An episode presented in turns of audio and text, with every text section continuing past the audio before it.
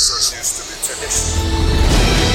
Some of the best speakers in the world. The purpose of business is not to maximize shareholder value. Whoever told you that, shoot them. It brings together so many people and creates this high energy environment. Powerful speakers, powerful audience. I denne episoden av OBF-podden så skal vi rette blikket ut i verden. Vi skal rette blikket mot Kina. Og jeg har fått med meg to flotte medarbeidere i Handelshøyskolen BI. Så det er egentlig, hvis jeg kommer til å si at det er kolleger av meg, så er det bare for at jeg fortsatt ser på meg selv som BI-foreleser. Sissel Hammerstrøm, direktør for lederutdanningsprogrammer. Og Jan Kjetil Arnulf, psykolog og professor ved Institutt for ledelsesorganisering. Hjertelig velkommen begge to. Tusen takk. Første spørsmål er, er det trygt å kjøpe elbil fra Kina, Sissel? Ja, det vil jeg si at det er. Enig? Ja, enig i det. Er ikke det skummelt, da? Hvorfor skulle det være skummelt? Høyteknologi som rapporterer tilbake igjen til en framvoksende supermakt. Ja, og det gjør, ikke, det gjør liksom ikke Tesla og, og eh, Ja, men de er vennene våre. Ja, det spør etterretningssjefen i Danmark om det. Eh, Så har vi satt eh, tonen. Eh, For den som nå tror at dette kommer til å handle om elbiler, så er det ikke det det skal handle om. Jeg trenger litt hjelp til å sortere ut hva er det egentlig som vokser fram. Og dere har begge to lang erfaring fra Kina. Sissel, du fortalte meg du har vært der siden 2005. Ja, jeg begynte å studere kinesisk i 1997, Ja, nettopp. så jeg holdt på med Kina veldig lenge. Ja. Men jeg var ferdig med mastergraden min i i 2005, og da flyttet jeg til Kina og jobbet for BI. Og der har dere bygd opp eh, en programserie i samarbeid med Fudan. Ja, Vi har en, et MBA-program, BI Fudan MBA, som for så vidt eh, ranker godt på de internasjonale Financial Fikk du sagt det Times-rankingene. også? Ja. Mm. Yes. Mens jeg her som bare har vært her i Norge, eh, stort sett, jeg har jo hatt kinesiske studenter. Ja. eh, Exchange-studenter, både bachelor og master, og har litt erfaring med det. Men er veldig lite bevandret med Kina. Så hjelp meg nå litt. eh, Hva er det som vokser fram? Ja? Eh, Det er jo en, en veldig hevdvunnet økonomisk stormakt, som har vært en økonomisk stormakt historisk, og som tar tilbake den plassen som den stormakten egentlig har hatt.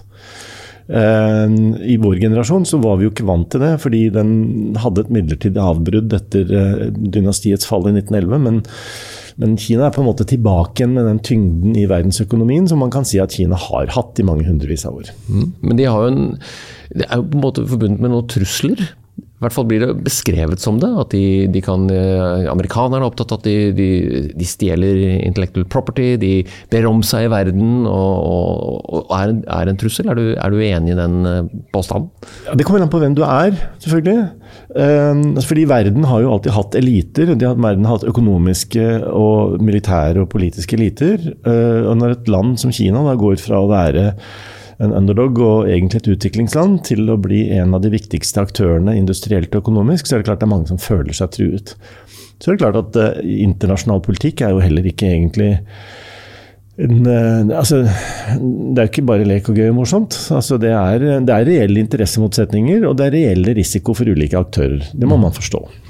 Og så har det gått veldig fort, eh, Sissel, i hvert fall sett fra et slags historisk utviklingsperspektiv. At de har tatt plassen sin tilbake, som Jan Kjetil eh, sier. Ja. Eh, har det overrasket deg, som da har studert det siden 90-tallet og sett denne framveksten og kall det denne liberaliseringen som de har holdt på med? da? Ja, det har gått kjempefort.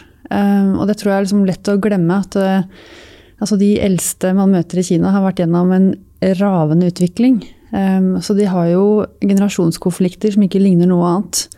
Um, det er uh, ja, Besteforeldregenerasjonen har vært gjennom uh, Mao og det hele, mens de nålevende er i sosiale medier og, eh, og lever liksom i New York, liksom i Shanghai. Det er nesten ikke til å fatte hvor stor, hvor stor gap det er da, i de kulturene og opplevelsene. Ja, jeg fant jo ut at jeg hadde jo da, Hvis jeg hadde vært kineser, så hadde jeg vært født under kulturrevolusjonen. og Den varte vel fram til Mao sin død i 76. og Det var jo et enormt eh, forsøk på å stramme inn og ville eksperimenter om å flytte folk til plasser som de ikke passet til å jobbe, bare for at man skulle ha kontroll. Men dagens Kina ser jo helt annerledes ut. Det er jo en raskt voksende økonomi. Som Jan Kjetil sier, at skal ha sin plass i, i, i verdens orden. Men hvordan ser det ut på innsiden? Hvordan er, hvordan er det egentlig? Hvordan har de organisert denne framvoksende økonomien sin. Det som jeg synes, alltid syns er, er gøy når vi har, eh, tar imot gjester i Kina, og det har vi gjort mange ganger, både Sissel og jeg, og mange ganger sammen, det er at du, du tar imot folk, og så er det litt sånn seremonielt og gøy den første dagen, og så begynner man å bevege seg rundt. Og den opplevelsen som nesten alltid kommer på andre og tredje dag, du går bortover gata med noen som har satt seg inn i dette på forhånd, kommer informert. tenker at de vet hva de kommer til, men den tredje dagen så kommer det nesten alltid en sånn bemerkning som lyder Å, det er jo egentlig sånn det er. Og det, der, det er egentlig sånn det er-opplevelsen. Det er kanskje den, den, vanligste opplevelsen som jeg er vant til å ha da, når vi tar, tar, med folk rundt, nesten uansett hva vi driver og gjør. Og Det er den opplevelsen av at um, vi, det er vi som kommer fra en bitte liten en bitte liten sær nasjon eh, til et sted hvor det bor 1,5 milliard mennesker, som jo egentlig oppfatter seg selv som midten av verden. Og når du ser verdenskartet i Kina, så er Norge veldig vanskelig å få øye på, for det ligger helt øverst til venstre hjørne i kartet. Um, som et ganske lite sted. Uh, og Det som vokser fram, og, og, og som uh, jeg tenker vi, vi, vi, driver og ser, er et land som går gjennom veldig rask utvikling veldig fort, sånn som Sissel sa, og som har ganske store problemer internt, faktisk. Fordi de prøver å tilby det samme til alle, og det blir ikke lett. Nei. Det er nesten ikke mulig. Så er det veldig stor forskjell på land og by. Og det er veldig store forskjeller i det kontinentet som vi kan kalle Kina. Da. Det er jo et veldig stort landområde veldig store kulturforskjeller eh, mellom regionene. Og språkforskjeller, ikke minst. Eh, Shanghainesisk er uforståelig for en vanlig Beijing-person. Så at det er, eh, ja, det er veldig mye kompleksitet. Da. Um, og så er det dette med at vi, det er så lett å glemme at de tenker veldig annerledes enn oss. Når de ligner mer og mer på oss med dresser og vestlige klær og sant, populærkulturen ligner mer og mer, så glemmer vi liksom at fundamentet inni huet er ganske annerledes. Ja, for Det er ikke så lett å si hvordan tenker en nordmann, men kan man si det samme om hvordan tenker en kineser? Nei, Man må jo selvfølgelig generalisere, da. Men um, det er veldig mange ting som vi tar for gitt. Um, jeg har lært meg et veldig godt uttrykk, og det er det er ikke så veldig pent, men jeg kan si det likevel. Assumption is a mother of all fuck-ups. Okay. det er fordi ofte når man begynner på en tankerekke, så er det, er det mange forutsetninger. Så jeg sier at uh, hvis jeg setter hånda mi foran lyset her, så blir det mørkt. Og det er liksom, ja, Da er det en, en, veldig naturlig assumption som ligger i at når jeg gjør noe, så, for, så, kommer det til å skje noe annet. Og Det er så mange ganger at jeg har vært i en kinesisk kontekst og gjort noe sosialt. Det jeg har tenkt at nå kommer dette til å skje, og så skjer det noe helt annet. Og Det er det uforutsigbare der da, som, som kommer ut av at vi resonnerer helt forskjellig. Vi er helt eh, Ja, vi dedukterer helt forskjellig. Jeg husker vi hadde, På et tidspunkt så inviterte jeg den daværende generalkonsulen på lunsj for å prate litt med henne. Så han har vært et år, så hva, hva var dine erfaringer? Og da sa han det som vi kunne skrevet inn på sa han, alle sammen. Han sa det har jo vært et veldig eh, innholdsrikt år, og eh, hver dag så skjer det noe som jeg egentlig ikke hadde tenkt, på godt og vondt. Eh, ingenting går egentlig akkurat sånn som jeg hadde tenkt. Noen ganger blir det bedre, og noen ganger blir det verre, men det er veldig vanskelig å si hvordan det kommer til å gå. Ja. For noen ting tar mye lengre tid, selvfølgelig. Litt språk, eh, ikke bare litt, ganske mye språk selvfølgelig. Men så er det andre ting som kanskje har overrasket dere positivt. Kan dere gi meg et eksempel på noe sånt som har, når dere har jobbet der nede, som har bare Wow, dette gikk jo helt strålende.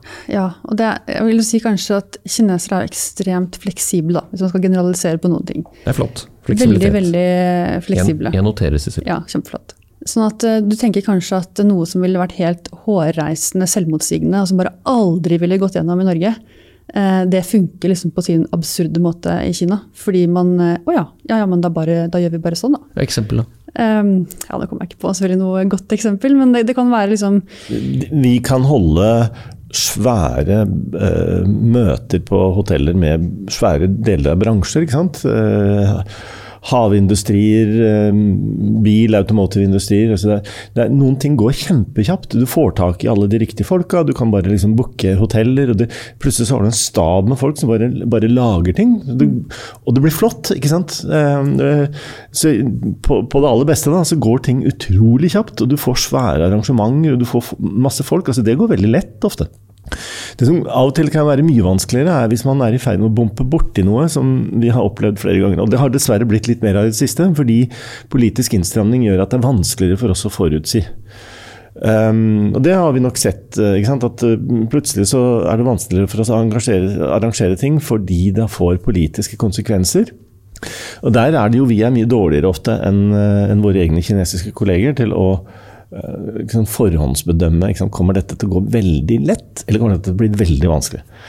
En av de tingene som går, gikk veldig lett, som jeg alltid trekker fram som fornøyelig, er at jeg faktisk har hatt kontor i Den forbudte by. Oi, ja. er det mulig? Ja.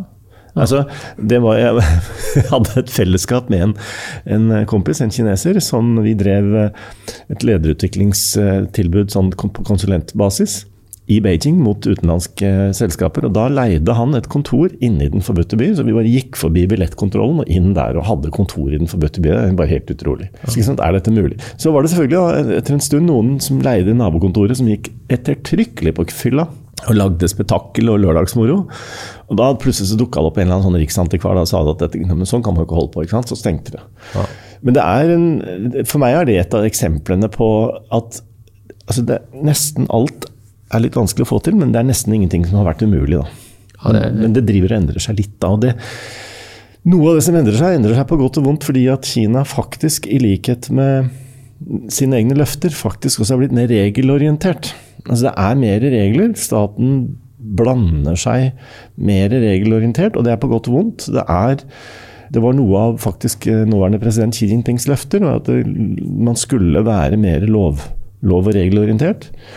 Um, nå gjør de jo selvfølgelig ikke det på den måten som vi ville gjort det, så det er fortsatt forskjellig fra hvordan vi tenker, men, men det er nok um, en tendens til større innstramninger og, og, mer byråkrati og vanskeligere å få gjort ting enn det var en periode. På godt og vondt. Og, og det, de, de, har jo et, de har en plan. De har et prosjekt å, som, som, vi har blitt enige om. At de skal bli da større andel av den der ja, verdenshegemonitanken. Politisk, økonomisk og kanskje også sånn kulturelt. da. Og så har vi noen utfordringer nede i Sør-Kina-havet. Så det er jo blitt en hva heter det, en hot potet. Det ble veldig rart å si. Eh, hva skjer fremover nå, tror du Sissel? Med Kina og spenningene rundt de og, og ja. ja. Det er et veldig stort eh, spørsmål. Eh, men det er klart det er jo verdt å følge med nå. Altså, de politiske utviklingene som har skjedd i Kina de siste par årene, har jo skilt seg markant fra de foregående årene med at Xi Jinping har eh, stilt seg sterkere ved roret. Han har endret grunnloven. Han har, eh, han har knyttet alle beslutninger tettere til seg. Ehm, så det er klart at det er jo en eh, interessant politisk utvikling som man absolutt bør følge med på, og som kanskje gjør akkurat de konfliktene med Taiwan og Sør-Kina-havet sånn ekstra interessant å følge med på. Da. Um, så, og det er klart at um, også hvordan Kina samarbeider, jobber med Russland, og spenningen opp mot USA gjør jo at eh, ja, dette er verdt å et, være tett på og, se, og, følge med.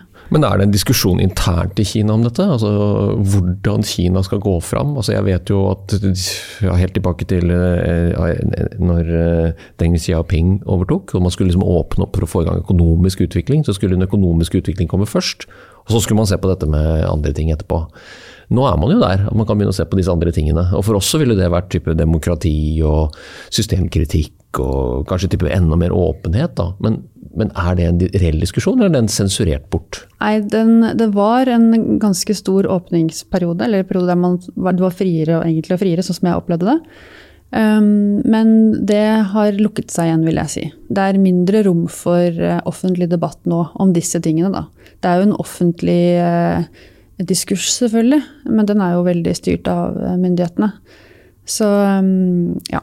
Det for det kan jo få konsekvenser for folk, ja, absolutt. og også for oss, for så vidt. Men det som er liksom interessant, er klart at når du har levd i et samfunn som der det å delta i den offentlige diskursen ikke egentlig er invitert til, så blir du ikke så veldig opptatt av det heller. Nei. Så folk flest liksom, går liksom ikke rundt og er så opptatt av politikk eller av Kinas relasjon til omverdenen i stor grad. Da. De er stort sett veldig fornøyde med at det har vært en ravende økonomisk vekst. De har fått det mye bedre.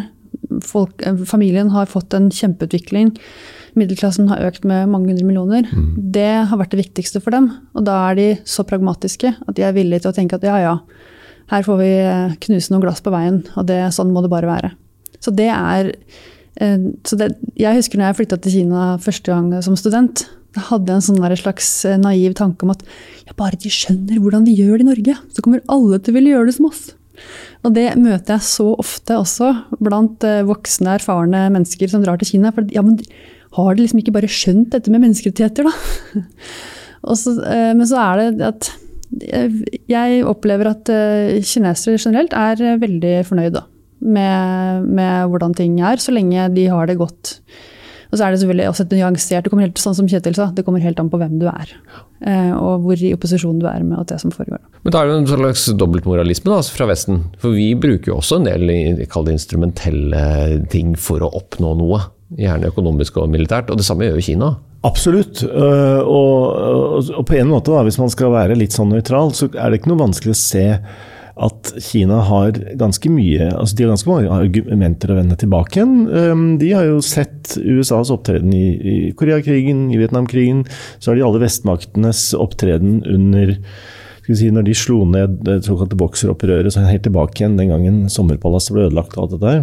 Så Kina har, altså, kan også rette en pekefinger hvor, sant, hvor kan man si at Mange av de historiene der begynner å bli gamle, og så videre, og sånn, men jeg tror vi skal være veldig klar over at det ligger ikke lenger en, en, selvsagt oppfatning om at resten av verden har noe å tilby som verken er moralsk overlegent eller så mye bedre. Uh, så det er, det er, jeg skal ikke ta til orde for en sånn verdimessig relativisme av enhver karakter, men jeg tror det er veldig viktig å være klar over at for det første vi gjør mange antakelser som ikke holder, sånn etnosentriske, uh, og at sett i et eh, litt nøkternt storpolitisk bilde, så er det, det er mange stormakter og mange interesser som spiller seg mot hverandre der ute. Eh, og Det er litt vanskelig å si at noen er helligere enn andre. Men jeg tror når det gjelder Kina, så det er nok en litt an annerledes problemstilling man står overfor Kina enn f.eks. når jeg reiser til USA. Da. Jeg har jo i denne perioden reist nesten like mye til USA som jeg reiser til Kina. Så det er ingen som intervjuer meg på flyplassen om hva jeg syns om Obamas dronekrig eller hva jeg syns om Trump. Altså jeg, jeg, får lov til å reise til, til, USA og ha en pluralistisk innstilling. Ingen avkrever at jeg skal mene. Det bare egentlig eh, når jeg skal liksom gå gjennom passkontrollen, at noen lurer på hvem jeg er og hva jeg egentlig syns om det hele. Mens hver gang jeg på en måte gjør et eller annet med Kina, så får du liksom behov for, at, for å forholde deg til et kjempesystem, et kjempepolitisk system og en kjempeøkonomi som egentlig er veldig mangefasettert. Mm. Og Det er nok tror jeg, en av de tingene som som jeg tenker sånn helt, som jeg har lyst til å advare litt mot. Å si at eh, Kina er mye mer komplisert enn de spørsmålene vi pleier å stille. Det vil være veldig dumt, uansett på en måte hva slags synspunkter og hva slags agenda du har, å undervurdere kompleksiteten i Kinas eh, hva, både hva, hva, som, hva, Kina er, og hva Kina står for, og hvor Kina kan komme til å spille en rolle. Fordi Kina, mange, akkurat som USA, er et kjempemangslungent sted med utrolig stor Ehm, hva skal vi si, påvirkningsevne, frivillig eller ufrivillig, eh, mange steder i verden. Så, eh, så, det tror jeg at eh, uansett liksom hva, slags, hva slags tanker man enn måtte ha om det, så er det sånn at den som ønsker å forstå verdensøkonomien og den politiske situasjonen i verden i dag, må ha en litt uromantisk og nyansert oppfatning av hva Kina står for. Takk. Og de har, de har jo innført dette social credit-systemet sitt, med sånn mm. Big Brother fra sci-fi-verden i mellomkrigstiden, som jo fins, og som de bruker for å rate sine egne innbyggere. Eh, og hva er dette for noe, liksom? Det er jo ikke rart man blir sånn halvengstelig for eh, For det første, når kommer de hit? Og for det andre, hvem er det som gir disse scorene? Hva er dette for noe, Sissel? Ja, Godtar kineserne dette her, bare? Eh, jeg er ikke noen ekspert på social credit system, men, eh, men eh, klart at dette er jo myndighetsstyrt. Men jeg vil tipper at det er relativt sånn lokalt styrt. Jeg vil tro at veldig mye av de dataene som kommer inn, da, som hentes på alle mulige slags nivåer Her snakker vi om til og med sosial mediedeltakelse. Altså bare tenk deg hvor utrolig mye data som skal samles inn da, om hver enkelte. Så på en måte, ja, det er kjempeskremmende. Her samles det inn uvanvittig mye data. Men jeg er liksom litt usikker på i hvilken grad de faktisk klarer å sammenstille all den dataen så systematisk og så godt. Da. Kanskje så omfattende som vi tror. Um, når det er sagt, så, tror jeg at, eh, så vet jeg jo at det, eh, det er jo allerede i fungering. F.eks. hvis du ikke overholder dine betalingsforpliktelser eller kommer inn i politiet, så får du kanskje dårligere finance ranking. Men det å, effekten av å gå på rødt lys jeg klarer liksom ikke å se at de klarer å implementere det helt. Det er, det, er, jo veldig veldig komplekst. Så jeg tenker at um, igjen, her burde noen som virkelig kan det, snakke om det. Men jeg tenker det er, dette også, burde også nyanseres, da. Ja. Uh, men eh, det, det, er jo, de er jo, det er ikke akkurat noe GDPR uh, i innhenting av data. Um, og det er jo ikke bra. Selvfølgelig. Noen kommer til å bli fornærmet nå. Jeg har jo en iPhone, og der hender det og Siri våkner til liv og gjør de rareste ting. Og, og, og opp, åpenbart at noen får med seg hva jeg er opptatt av. For jeg blir jo teppebombet av eh, annons, eh, altså annonsørenes ønske om å påvirke meg. Så, så det er ikke bare Kina, jeg er jo klar over det. Men teknologien som utvikler seg i Kina, Der er det jo veldig mange vestlige ledere, om det er, om det er helt bevisst at de gjør det også, for å, for å liksom rette oppmerksomheten på at her foregår det uømskheter eller ulovligheter. Men så har vi sett en utvikling de siste ti årene at nå kineserne eier jo mye av disse selskapene. Og så er de jo store i, i egen teknologi selv. De er ikke bare kopister. De leverer jo med patenter i orden og alt som er. Så hva, hva, er det egentlig som foregår nå? Er, er, vi, er, vi, midt inne i en sånn overgang hvor Kina blir en stor, dominant økonomisk eh, aktør som vi bare må forholde oss til, eller skal vi prøve å stagge dette her? Jeg tenker at vi burde i hvert fall begynne å forstå. Eh, fordi eh, hvis det er eh, eh, hvis det er noe man skal være litt redd for, så er det jo å samarbeide veldig tett, eller måtte, måtte jobbe veldig tett med noen du overhodet ikke vet hvordan tenker. Bli bedre kjent? Man bør bli bedre kjent, og man bør lære seg å forstå mer eh, ja, hva er agendaene, hvordan, hvordan kan vi samarbeide, hvordan, skal jeg, hvordan, når skal jeg være på vakt, hva skal jeg passe meg for? Å kjenne farene, det jo det må vel være det viktigste. Eh, så tror jeg liksom det å lage sånne skremselsbilder eh, skaper bare verre. Gjør det vondt verre. Så mm, jeg ville i hvert fall begynt med det. Og så skal vi ikke være naive heller, selvfølgelig. Skal eh, være på vakt. og Vi skal ikke la oss lure, eller uh, vi skal være skeptiske, sånn som kineserne også er. Um, så jeg tenker at uh, ja. Vet ikke om du Kjetil har noen ja, nei, jeg, tanker om det? Jeg, jeg tenker at uh, det, spørsmålet om muligheten til digital overvåkning det er jo et av de viktigste temaene i, i verden i dag, tenker jeg. Ikke bare i Kina. Det er klart at det, den Altså Kina som politisk system og som overvåkningssystem har jo den fordelen at som Sissel var inne på, at befolkningen har ikke vært vant til å skulle beskytte seg på noen måte. De har levd med, faktisk med fysisk overvåkning i mange år. og så kinesiske, Typiske kinesiske bofellesskapet er et sånt boligområde ikke sant? med en svær mur rundt, og med vakter i porten, og kanskje til og med vakter inne i bygningene og sånn. og mm. De har vært vant til at alle ser folk som kommer og går. og har, Sånn har det vært. og det, det syns de på en måte. De, de har ikke noen sånn ja, i hvert fall Fram til nå da, så har ikke de hatt den ryggmargsrefleksen som f.eks. i USA. Når de føler seg overvåket, så har de en helt annerledes måte å å, reagere på det på. Så man sier at de, Alle politiske systemer utnytter vel den muligheten de har, både politisk, og økonomisk og kulturelt, da, i sin, sin bakgård. Mm. Så er det sånn at det, Når vi slipper disse teknologiene inn hos oss, eller vi jobber med disse teknologiene, så tror jeg mest, det viktigste er å tenke sånn som Sissel, at det, det, er veldig få helt uskyldige der ute. fordi de aller fleste, selv, selv, firmaer, vil jo ha en langsiktig agenda med deg som kunde. Eh, ikke sant? Og videre enn det så vil jo nasjoner og, og næringsinteresser de har en langsiktige interesser av å få markedsnisjer, ikke sant? beherske markeder og sette firmastandarder. sånn at dette her er jo um, tanker som man skal gjøre seg tenker jeg, i enhver sammenheng. Også når det gjelder Kina, selvfølgelig. Altså, de har ønske om å slåss for sin egen industri og få plass til sin egen industri. Og så er det sånn i Kina, kanskje annerledes enn i USA, tross alt, og det er at i Kina så må alle bedrifter, selv de private bedriftene, de må ha et forhold til lokale eller sentrale regjeringer. Det er som i, i merkantilismen. Ja, det, er et privilegium. Ja, det er det. Og noen må gi deg et eller annet godkjentstempel at du får lov til å drive med dette. Helt riktig. Ja. Så, så, det, så, det, er sånne modeller. og det, det tror jeg Når du sier merkantilisme på den måten, så tenker jeg at det er et veldig god Eh, det er en veldig god inn, billett å tenke hvilke modeller er det vi snakker om de opererer etter. Fordi, eh, litt sånn som Sissel sier også, så er det sånn at ja, er, de samler informasjon, og de kan gå inn og intervenere, og de kan gjøre ting på mange måter. Men det kan vi jo i Norge òg. Altså, den norske regjeringen kan jo også gå inn og intervenere og gjøre ting. Men det fins ingen regjeringer eller land eller aktører som, som vet alt og ser alt. ikke sant? Altså, poenget er at alle faller også som offer for sine egne systemer. Sånn at uh, Kina er jo, uh, må jeg også si, et fantastisk laboratorium for å ha prøvd ut ting som ikke funka, og så snakker vi bare ikke mer om det, så begynner vi med noe annet. Altså det er jo et uh, altså Ikke alt som skjer i Kina har en veldig god plan, og ikke alt som skjer i Kina lykkes. Og ikke alt som skjer i Kina kommer til å fortsette, fordi det dukker opp en annen ting som er mye smartere. Og da, Det man ser på, da, for eksempel, er at i kinesisk næringsstruktur så eksisterer det vel for øyeblikket egentlig ikke noe Google, Facebook eller Amazon i Kina. Alibaba, som er noe av det nærmeste kommer, Alibaba og Tencent og sånn, de har nå blitt, selvfølgelig blitt gjenstand for store reguleringer og inngrip fra statens side og sånn. Men, men, på godt og vondt da, så er det jo forsøk fra statens side også på en måte å redusere at du får monopoler da, og det er andre måter å gjøre det på. Så noe av det er helt spesifikt kinesisk, og det må man se. Man kan være likere eller ikke likere, men det er altså staten går inn og gjør disse tingene. Men det skaper samtidig en utrolig plattform for si, De rører i gryta ganske mye. Det kommer nye løsninger, det spretter opp nye tanker og ideer.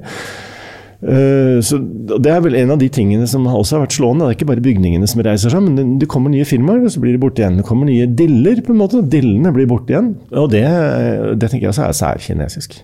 Og jeg tenker, Apropos det, fordi det har vært mye fokus på at eh, kinesiske myndigheter har slått ned på tech-industrien. som for så vidt, og Måten de gjør det på, blir jo veldig sånn foruroligende for oss. Setter folk i detention og sant, setter med, eh, får folk til å holde kjeft. Men samtidig så kan man jo si at under den utviklingen som har skjedd, så har kinesiske myndigheter også gitt tech-industrien veldig frie hender. Så de har latt det blomstre, liksom, la tusen blomster blomstre.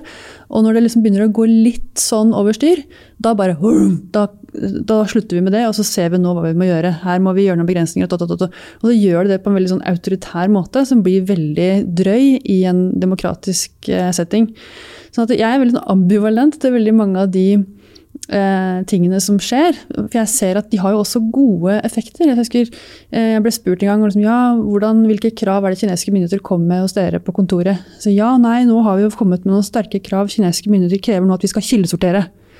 Ok, det er vel ikke det verste kravet. Så de har jo sånne krav òg. Så det, betyr jo ikke at nødvendigvis eh, effekten er så dum. Det kan være veldig gode effekter av å ha eh, sant, statlig styring. Samtidig så betyr det altså her overslaget, da er jo selvfølgelig den kontrollerende biten. At det ikke har noe medbestemmelse. At ikke du kan stå opp mot det. Som er det som blir bekymringsverdig. det går ikke an å gjøre en sammenligning, men alle som har blitt utsatt for myndighetenes eh, iver etter å styre i en pandemi i Norge, vet jo at det er noe uforutsigbart over det hele. For det kan jo forandre seg fra dag til dag. Så jeg, jeg, jeg tror nok at det er mer den jeg, jeg, hører jo hva dere sier, og det er den derre der ukjente. Men, men var du inne på at er vi litt naive? Altså, det, hvor, hvor, langt lerret er det å bleke da, før man blir litt tryggere på hvem man har med å gjøre her? Hvordan gjør jeg dette, Jan Kjetil? Hvordan blir jeg kjent med min indre kineser?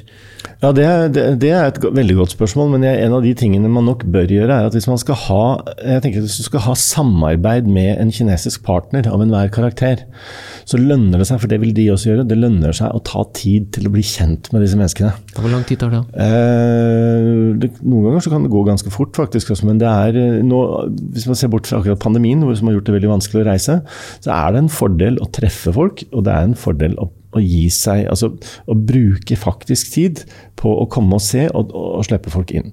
Det er veldig farlig å tenke at verden fungerer i henhold til kontrakter og, og, og julekort. Det gjør de aldri.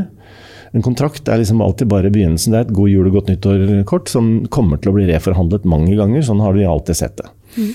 Det er veldig mange store kulturforskjeller som har vært der i tusenvis av år, og som kommer til å fortsette å være der. Og det spiller en rolle uansett om du, hva du kaller det politiske eller økonomiske systemet. Så vil disse her eh, store kulturelle opp forskjellene. Hva er samarbeid? Hva er samarbeid tuftet på? Hva er det en god løsning når det blir konflikt? Uh, og en av, en av, de tingene som vi nok har sett, når vi ser litt tilbake igjen på disse eh, snart to tiårene som vi har samarbeida her, er at ja, det går an å lykkes med mange ting. Det går an å drive helt alminnelig god butikk, men eh, det har vært vanskelig å, å få den jackpot-effekten som eh, mange vestlige firmaer så for seg for 20 år siden. Mm. Det er vanskelig å, det er vanskelig å ut... Altså, mange som, nå åpner det seg, massevis av kunder, og ja, de vil ha alt mulig rart det viser seg at den jackpot-effekten er vanskelig å få til. Den beste effektene har nok hele tida vært det at ja, de har faktisk kjøpt ganske mange Eh, spesielt råvarer av oss og andre ting som de har hatt bruk for til sin enormt voksende industri. Og ja, de har redusert mange av kostnadene våre historisk sett på mange av de tingene vi har bruk for. Sånn at Det er de store økonomiske justeringene som kanskje har vært det mest vellykkede. Det langsomme, men, men den der å skulle reise dit, doing business in China, altså få en million kunder, eller en milliard kunder, den, den, det, det, lyktes aldri. Altså, det har aldri skjedd, det har ikke inntruffet.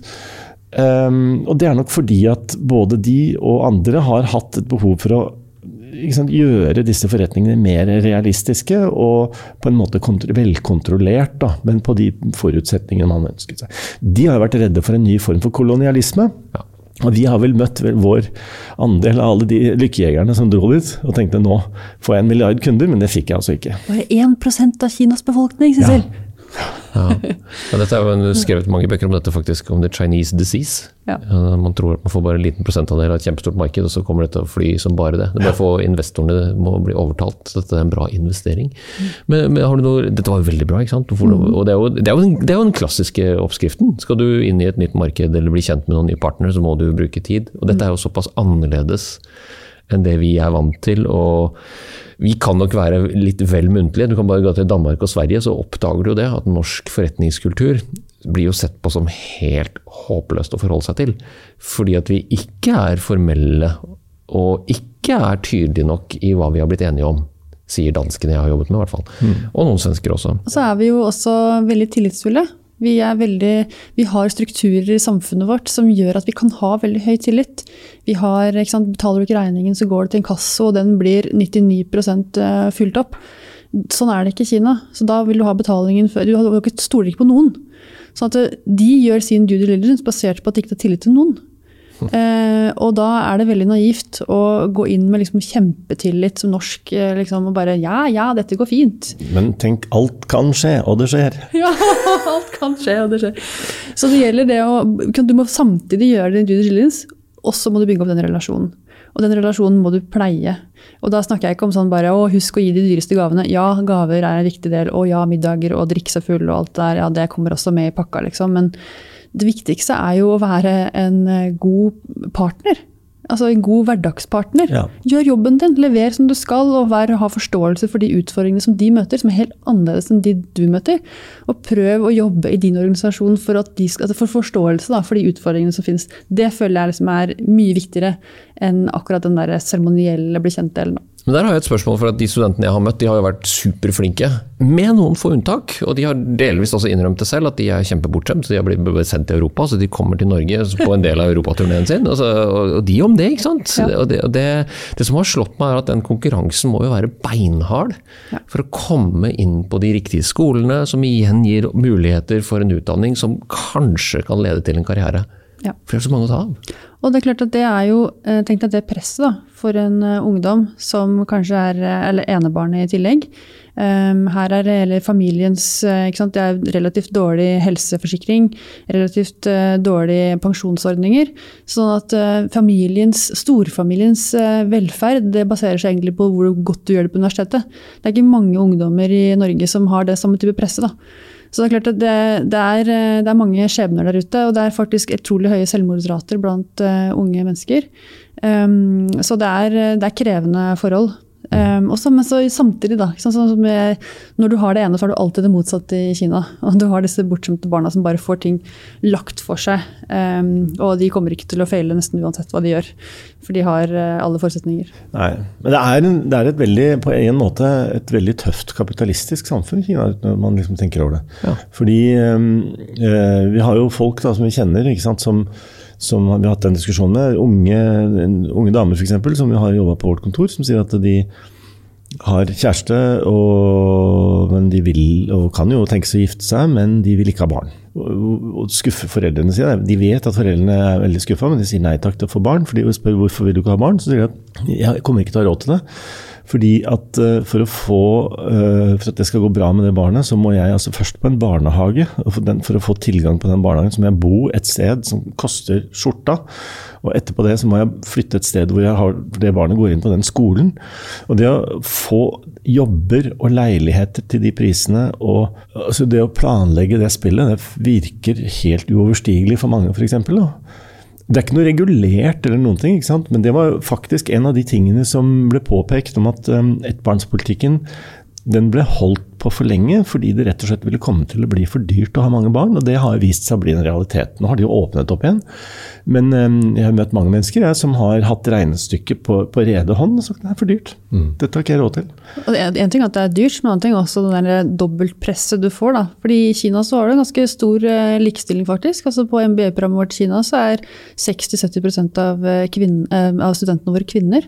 Så den høyeste kvinneandelen i hele verden i MBA-programmene. og Det er jo helt fantastisk. Men samtidig, så når de gifter seg, så går de inn i veldig tradisjonelle mønstre fremdeles. Det er press fra svigerforeldrene, som jo kanskje opplevde kulturrevolusjonen. Altså her ser vi liksom generasjonskonfliktene bare blow up. Um, og presset fra mannen er veldig lite, selv om Shanghai-kinesere, da. Mennene i Shanghai er liksom kjent for å være så veldig huslige. Uh, det er vel uh, ja, Sammenlignet med norske fedre som tar pappaperm, så er det et langt stykke å gå, da. Sånn at kvinner opplever enormt press fra mange kanaler. Så hvis de ønsker å ha en karriere og et relativt avslappende liv, da er det ikke lurt å gifte seg og få barn. Jeg har lært veldig mye. Det er vel over 20 millioner mennesker i Shanghai, så det er vel 10 millioner huslige kinesere som holder på der og steller og ordner.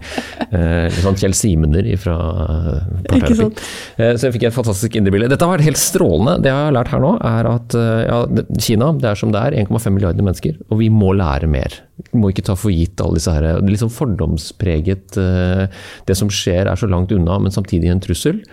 Det er jo åpenbart at hvis man snur dette her rundt, så ser man noe som dere har jobbet med lenge. Eh, så det var veldig spennende å høre om det dere forteller meg, som jeg vet. Dette med den lave tilliten, som er jo den rake motsetningen av oss. Vi stoler på hverandre. Eh, og så kan det hende at det ikke nødvendigvis er et mål i seg selv. At man skal lære kineserne å ha tillit til Gud og hvermann når de er vokst opp i et system som, hvor, det, hvor, du må dokumentere og bevise det, er, det, klarer ikke vi å påvirke det hele tatt. Det kan vi glemme. Men det er jo så irriterende! Look to Norway, er det ikke noe som heter det? er jo bare så bare Gjør som kan ikke, ja, kan ikke, nei.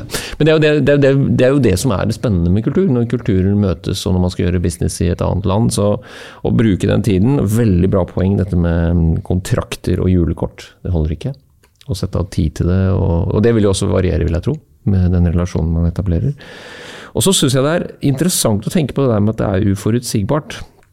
Det betyr jo også at det er en del muligheter, er ikke det riktig? Jo da, og, det, det, jeg har lyst til å si er at selv hvis man ser på noen Nå prøvde jo Trump med handelskrigen å koble amerikansk økonomi fra kinesisk økonomi.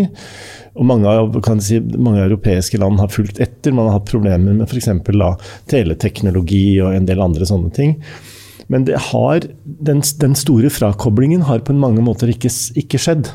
Eh, fordi man kan si det på, I noen industrier, på noen områder, så er det sånn ja, man kan gjøre det. Man kan, kineserne selv f.eks. har valgt å legge billigproduksjon til, eh, til eh, altså Kambodsja, Laos og sånne land. Så, så, så, det forsvinner også ut av Kina. Men det store logistikkmessig viktigere industrisamarbeidet mellom Kina og resten av verden, det tror ikke jeg kommer til å påvirkes av annet enn dersom, gud forby, altså verden skulle gå i en, en skikkelig stor sikkerhetskonflikt. Det er rett og slett sånn som verden er skrudd sammen i dag, så er Kinas evne og mulighet og interesse for å skulle kunne bidra industrielt på bred front, det er rett og slett for stort. og det, det, Sånn jeg tenker at når pandemien nå er over, så vil det igjen være legio muligheter for norske bedrifter å tenke kinesiske aktører på alle sider av bordet, i, som kunder, som investorer, som bidragsytere, eller at man må forholde seg til kinesiske partnere. Så det er ingen grunn til å ikke sette seg inn i dette feltet her ordentlig.